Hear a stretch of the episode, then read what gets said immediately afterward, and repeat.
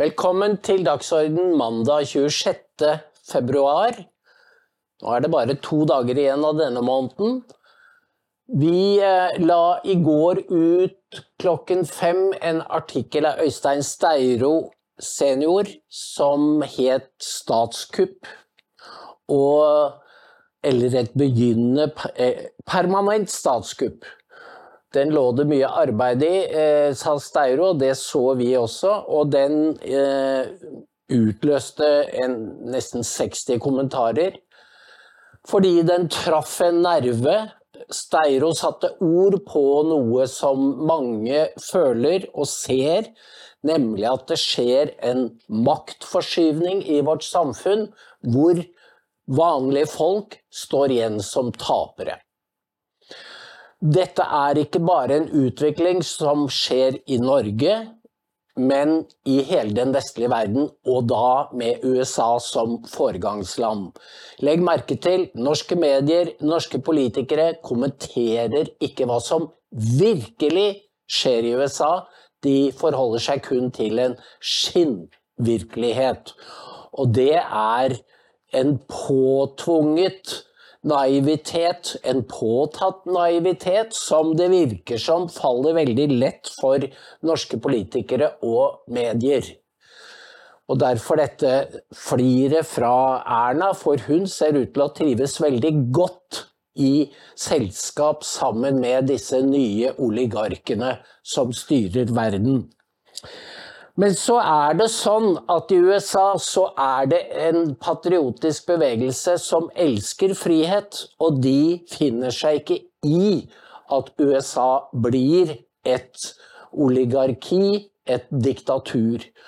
Og jeg sitter om morgenen og kan gå gjennom uh, Twitter-meldingene, og den ene mer sensasjonelle nyheten etter den andre som dere hvis det ikke var for dokument, aldri ville få vite om.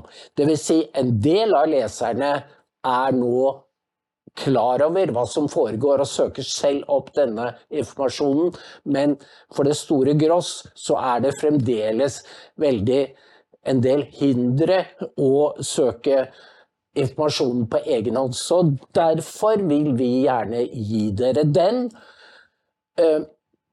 Christian skrev også om at Medietilsynet var og Meta er opptatt av at valgene i Europa til EU-parlamentet skal gå riktig for seg.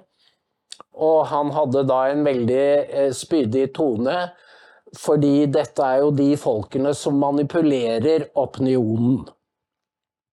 Og det bemerkelsesverdige er jo at Medietilsynet og Mari Welsand og faktisk ennå, og alle disse nye pedagogene og sensurinstansene som gjerne vil fremstille seg selv som gode hjelpere, de har ingen betenkeligheter med å bruke ord som at de er beskyttere av demokrati. Og det er et av kjennetegnene på denne nye staten og det nye samfunnet du skal elske dine nye herrer. Og de har overtatt ord som demokrati og bruker det på inn- og utpust. Inn og utpust. Den virkelig store nyheten i dag var for mitt vedkommende avsløringen av hvordan CIA, FBI og de 15 andre amerikanske etterretningsorganisasjonene har giftet seg med Google og Meta. Dette har skjedd, se på denne teksten, dette har skjedd nå at tidligere eh, så var det ganske skrint med etterretningsfolk i big tech. Men etter 2018 så har det altså begynt, hva var det, 180 som har gått inn i sjefsstillinger. Og der ser dere hvor de kom fra. CIA 30, 36, FBI 68. Jeg skulle hatt langbrillene på meg. NSA, National Security Agency 44, Department of Homeland Security 68, State Department 68 og Forsvarsdepartementet 121. Og altså, De er ikke som fotfolk, de går inn på sjefsnivå.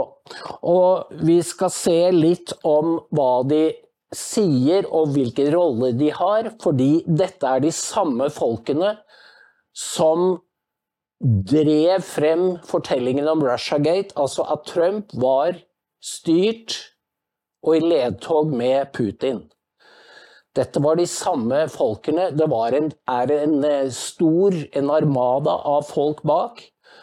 Og de har altså gått inn i big tech og overtatt lederrollene der. Og da Dette er dette er det permanente kuppet som Øystein Steiro skrev om. Eh, vi har bare ikke helt forstått rekkevidden av det her, og vil egentlig ikke snakke om det, fordi vi behandler Google og Meta som om de er snille onkler, rike onkler.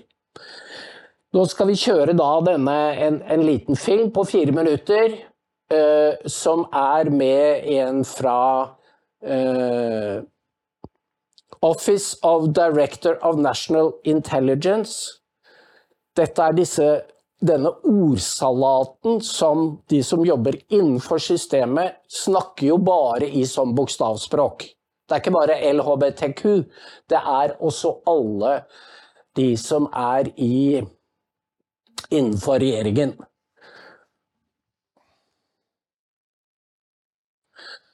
Og ja um, vi skal se denne filmen på fire minutter, og, og, så kommer det en rulletekst hvor de viktigste personene i, uh, innenfor uh, etterretningstjenestene ruller forbi. Deres korte biografier, hvor dere ser hvor mange år de har jobbet i CIA, State Department, FBI osv. Eh, da tenker jeg vi kjører filmen. Vær så god, Lars. We're also fighting for the awesome talent that's out there uh, to come to private sector. They're incentivized to go to go into the private that's sector. That's correct. I will, I will, I will proper though. I think that if they get into our space first, we own them for life.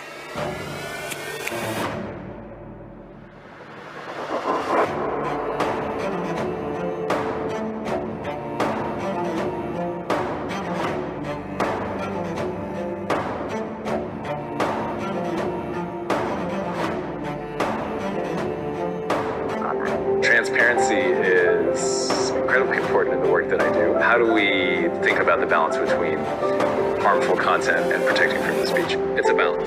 Even though the hacking was done on, on both sides, they deliberately released uh, the uh, DNC information to WikiLeaks. And so even though the hacking was on both sides, it was the release of the information out into the public domain with the specific motivation of helping Trump get elected. So we've been able to direct more than 2 billion people worldwide to expert um, to expert health resources through our coronavirus misinformation, excuse me, our coronavirus information center. Quantity. She's the ultimate Washington insider in this, and there's no one who has more foreign policy expertise. So Donald Trump is the ultimate wild card. He is unfamiliar with how the intelligence community works, and the great fear is that he could politicize them as he's done with the debates and his information about the, the Russian hacks I mean this is extremely significant. We have increasing um, mounting levels of evidence that uh, Russia's fingerprints are all over this. I mean, uh, when Trump talks about being caught in the act, I mean, that's exactly what we have here. Uh, the hackers have been caught in the act. And we know that Russia has the, the means and the motivation and, uh, and the capabilities to do all of this. So um, this is completely unprecedented in U.S. electoral history. Um, I can't even stress how significant it is. For some examples, we add labels on posts about COVID-19 and vaccines to show additional information from the WHO. Um, and um, when we do remove misinformation from the platform, which I'll talk about in a second, we built a tool so that um, we notify users who saw that misinformation before we removed it so that they have access to the authoritative information that corrects it. And this election cycle, as we partner with Facebook and YouTube and Twitter and all the social media companies, has really exacerbated their concern and want to help be a solution in protecting our democracy. We've really strengthened our partnership with um, our government agencies since 2016 think you've heard us and many others talk about publicly the very good work in terms of sharing information from the intelligence community with social media platforms to consider relative to their terms of service how to remediate inauthentic content in decreasing the dissemination of fake news in transparency. And I think that's what you're seeing pay off. I think we've all said in the private meetings we had, as well as this public discussion, that tighter coordination really helps us. In the community, it's very similar, whether you're CIA, NSA, NGA, and what does make a difference? What we have in the community, the FBI probably more than anybody, once we get them in, we own them for life.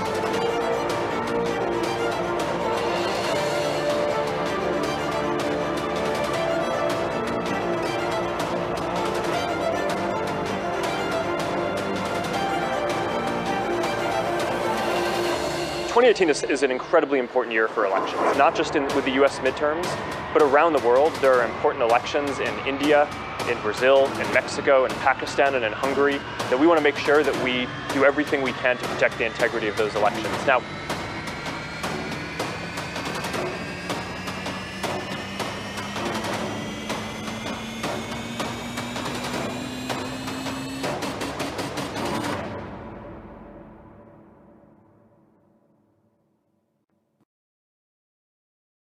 Nå skal vi kjøre da disse biografiene på de topplederne. Og her ser dere hun andre til venstre er fra advokatfirmaet Perkins Coye, og det var det advokatfirmaet som Hillary brukte til å, og som jobbet for Demokratene, og de sto klar med 600 advokater høsten 2020 i tilfelle valget gikk, ikke gikk deres vei. Og i midten så står tidligere forsvarsminister Robert Gates. Denne Jacqueline Lapour har altså ti år ved CIA før hun gikk inn i Google i 2017. Hun er leder for Head of Trust and Safety. Der har vi henne igjen. Hun, er, eh, hun har, har, jobbet med definisjonen av hva som er høyreekstremisme. Så dette er den som bestemmer hva du får lov til å si på nettet, og når du blir hivd ut. Og han eh, Ja, hva var det det Nick Rossman, ja. Det er han som har skrevet noe aldeles forferdelige twittere om uh, hvite mennesker. Og det er ikke uforenlig å være hvit selv og skrive rasistiske kommentarer om hvite mennesker. Christopher Porter han er uh, i eh, Office of Director of National Intelligence, ja, og han har vært uh, er medlem av Atlantic Council, som er et av de stedene hvor disse folkene møtes. Deborah Wituski, Google i 2018, og kom da også fra CIA. Catherine Tobin, ja. Har jobbet eh, seks år for Booz Allen Hamilton. Det er samme kontraktørselskap som Edward Snowden jobbet for. Det er det samme som å jobbe for CIA. Eh, Global Threat jobbet hos CIA, ni år i Madrid for State Department. Omar Ahmed, ti år i State Department. Jamie Washington, eh, FBI og 13 år i CIA. CIA i ni år, Chelsea Magnant.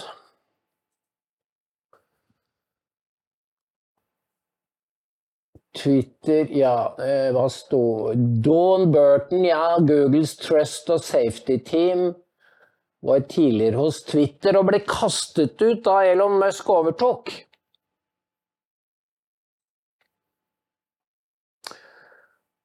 Global Risk Young Suk Lee. 22 år i Serie A. Og der var han, ja. Candice Bryant, 17 år i Serie A.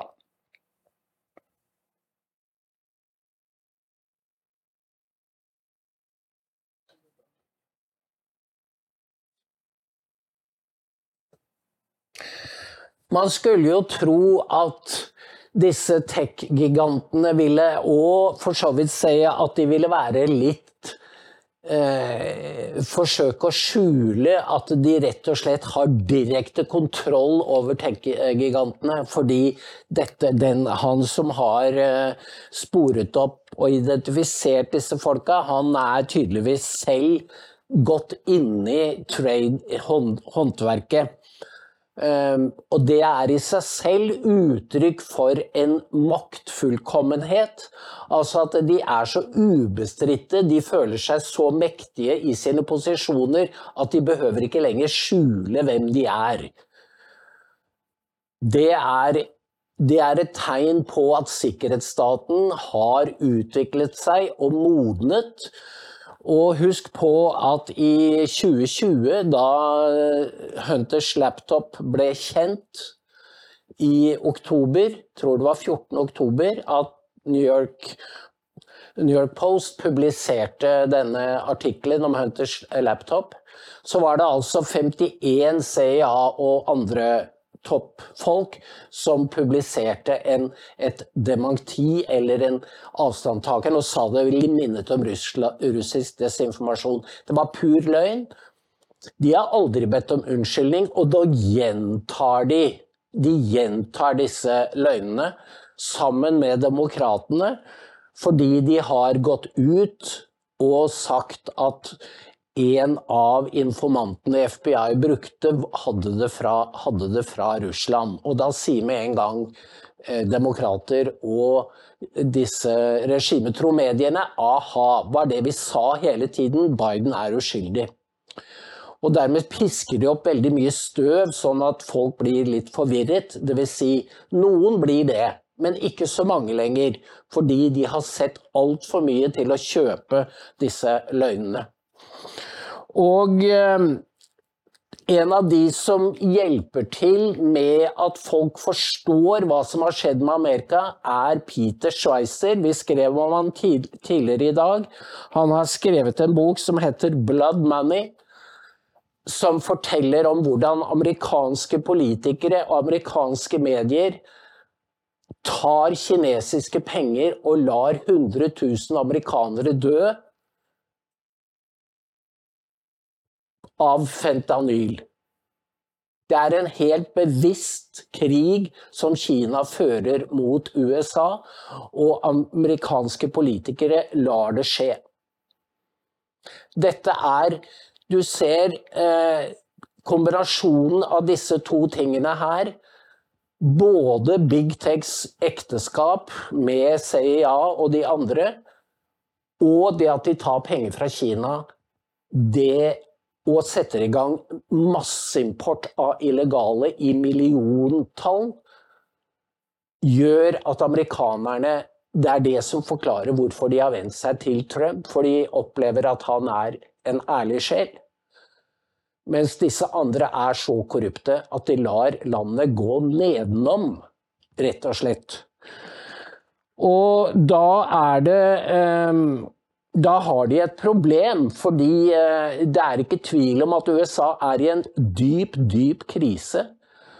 Og ikke minst fordi de har en mann i Det hvite hus som nå er så senil at han nesten ikke greier å opptre i noen sammenheng uten at det blir tydelig at han sliter. Og da er det hedgefond-milliardæren Bill Ackman det var han som reagerte da han så all antisemittismen på Harvard, som han har gitt store penger til. Han eh, bare sier her i et lite klipp det å være president i USA er en av verdens Det er ikke bare en av verdens mektigste, men det er en av verdens mest krevende jobber. Eh, og Biden er ikke i nærheten av å fylle oppgaven. Vær så god. And by the way, the other thing to point out here is, and I have been pointing this out as of others, Biden is, I think, is done. I mean, it's embarrassing. It's embarrassing for the country having him as a as a presidential candidate, let alone the president of the country. It's crazy, and it's just going to get worse and worse. And he should, you know, it, the worst of his legacy is his ego that prevents him from stepping aside, and that's it. It's his ego. And it is so wrong and so bad and so embarrassing. Uh, it, you know, you talk to people. I was in Europe. I was in uh, London a few days ago, and people are like, "Bill, it, how can this guy be a president?" And, and it's a bit like again, I go back to my business analogy. Being a CEO is like a full contact sport. Being president of the United States is like some combination of wrestling, marathon running, you know, try being a triathlete. I mean, you got to be a, serious physical shape and at the top of your game to represent this country. And he is a far cry from that, and it's just getting worse, and it's embarrassing. And I and he's got he cannot be. And by the way, every day he waits, he's handing the election uh, to Trump. Ja, og amerikanerne de ser hva de ser, og det gjør ikke norske medier, for de later som de ikke ser det. Men fysisk utholdenhet og kampvilje betyr mye for amerikanere. Fordi tidligere så har Trump fått kritikk for at han er sleivete med, med språket sitt. Men eh, nå har han eh, fininnstilt språket, eller i hvert fall tilpasset det publikum. Det tror jeg vi kan si. Og det folk ser, at han kan holde halvannen times tale uten å være synlig trett. Og det gjør, ganger, det gjør, han flere, ganger i uka. Og da hadde Biden er ikke i nærheten av det. Han begynner dagen klokka ti, ti og det er ferdig klokka fire. Så dette er eh, Det er da blir bare en hardcore kjerne igjen rundt Biden. Eh, så er dette Dette burde engasjere norske medier og norske politikere, fordi USA er, vest, er verdens viktigste land. Det var forsvarer for vår frihet, men nå er det et alvorlig spørsmål om, som, om, fremtiden. Og det er ikke Trump som truer USA og Vesten, det er Biden og korrupte demokrater og republikanere. Den dimensjonen er ikke fremme i norske medier i det hele tatt. Dokumentet har holdt på med det siden 2016. Det som derimot er øredøvende i Norge, er Gaza og Norges Norge er den hvite ridder som skal redde palestinerne og tukte israelerne. Og det har fått til konsekvens at Norge er på kant med Israel og på vei inn i en diplomatisk krise som kan gjøre det vanskelig å spille noen brobyggerrolle. Og vi har sendt ut en artikkel her basert på to artikler i Ynet News. Den ene ramser opp alle byggestrinnene i denne diplomatiske krisen. For det ene har bygget på det andre. For eksempel, altså, det såret israelerne voldsomt at kongen ikke ville kontrollere. Og begrunnelsen fra UD var at konflikten var så sens sensitiv. Men den var ikke mer sensitiv enn at Mette-Marit fikk møte legene fra Norvak, og Eide sto der ved siden av henne. Det var helt ok. Og da ser Israel hva, hva det handler om. De blir igjen utsatt for det er stygt å si det, men altså tyskerne kalte det Sonderbehandlung, spesialbehandling. Og det er et språk som jødene forstår meget vel. Og det er, det, er, det ligger en del stupiditet i Barth Eides oppførsel overfor jøder, fordi de ser noe ved Barth Eide som han ikke ser selv, eller forstår. Og så er det et intervju som ennå ikke er tekstet til norsk, da, med rabbiner Jovam Melkjord, hvor han snakker om veksten i i eh, antisemittisme i Norge. Den kan man jo se daglig i norske medier, fordi det hele tiden er Israel, Israel, Israel som har skyld. Norske medier har glemt 7. oktober og er kun opptatt av skjebnen til, til palestinerne på Gaza. Dette har noe å gjøre med nordmenns fortelling om seg selv Ikke vanlige mennesker, ikke de som har en historisk bevissthet og forstår at historie forplikter, men de som lever på de moralske fortellingene som det nye Norge er bygd på. Og det er Torbjørn Egner at vi er forskjellige utenpå, inni er vi like, og vi skal alle kunne bli medlemmer og bygge dette nye Norge. Til tross for at erfaringene andre steder sier noe annet. Og de som da forvalter dette oppdraget og disse fortellingene, de får en slags moralsk overlegenhet. Og det er den som kommer så tydelig til uttrykk i møte med Israel og palestinerne. Fordi palestinerne er de ultimate offeret. Mens jødene da Der har Norge en eh, oppgave i å tukte Israel. Og det er altså en avkristnet nasjon som tukter Guds utvalgte folk. Og det gjør at disse sosialistene føler seg de, Deres betydning øker i takt med sin, deres moralske overlegenhet. Det er en dynamikk her som eh, er, er, er nesten, Du må være norsk for å skjønne hvor selvgode de er. Men jeg tror at eh, israelere har jo levd med Jan Egeland og disse og Mats Gilbert i så lang tid at er blitt dyktig lei av å bli fortalt hva konflikten bunner i, og hvordan den bør løses. De som har noe å lære oss, er jo israelerne. Men vi vil ikke lære av israelerne. Men før eller siden så vil vi måtte bite i det sure eplet og innse at de hadde rett. Det, er, det kan bli en ganske bitter eh, kanossagang for den norske eliten, som trodde de kunne klare seg uten sitt eget folk, eller overkjøre dem, som Steiro beskriver, og uten den historiske åndelige bagasjen som vi har hatt de siste tusen år. Her er det en sammenheng.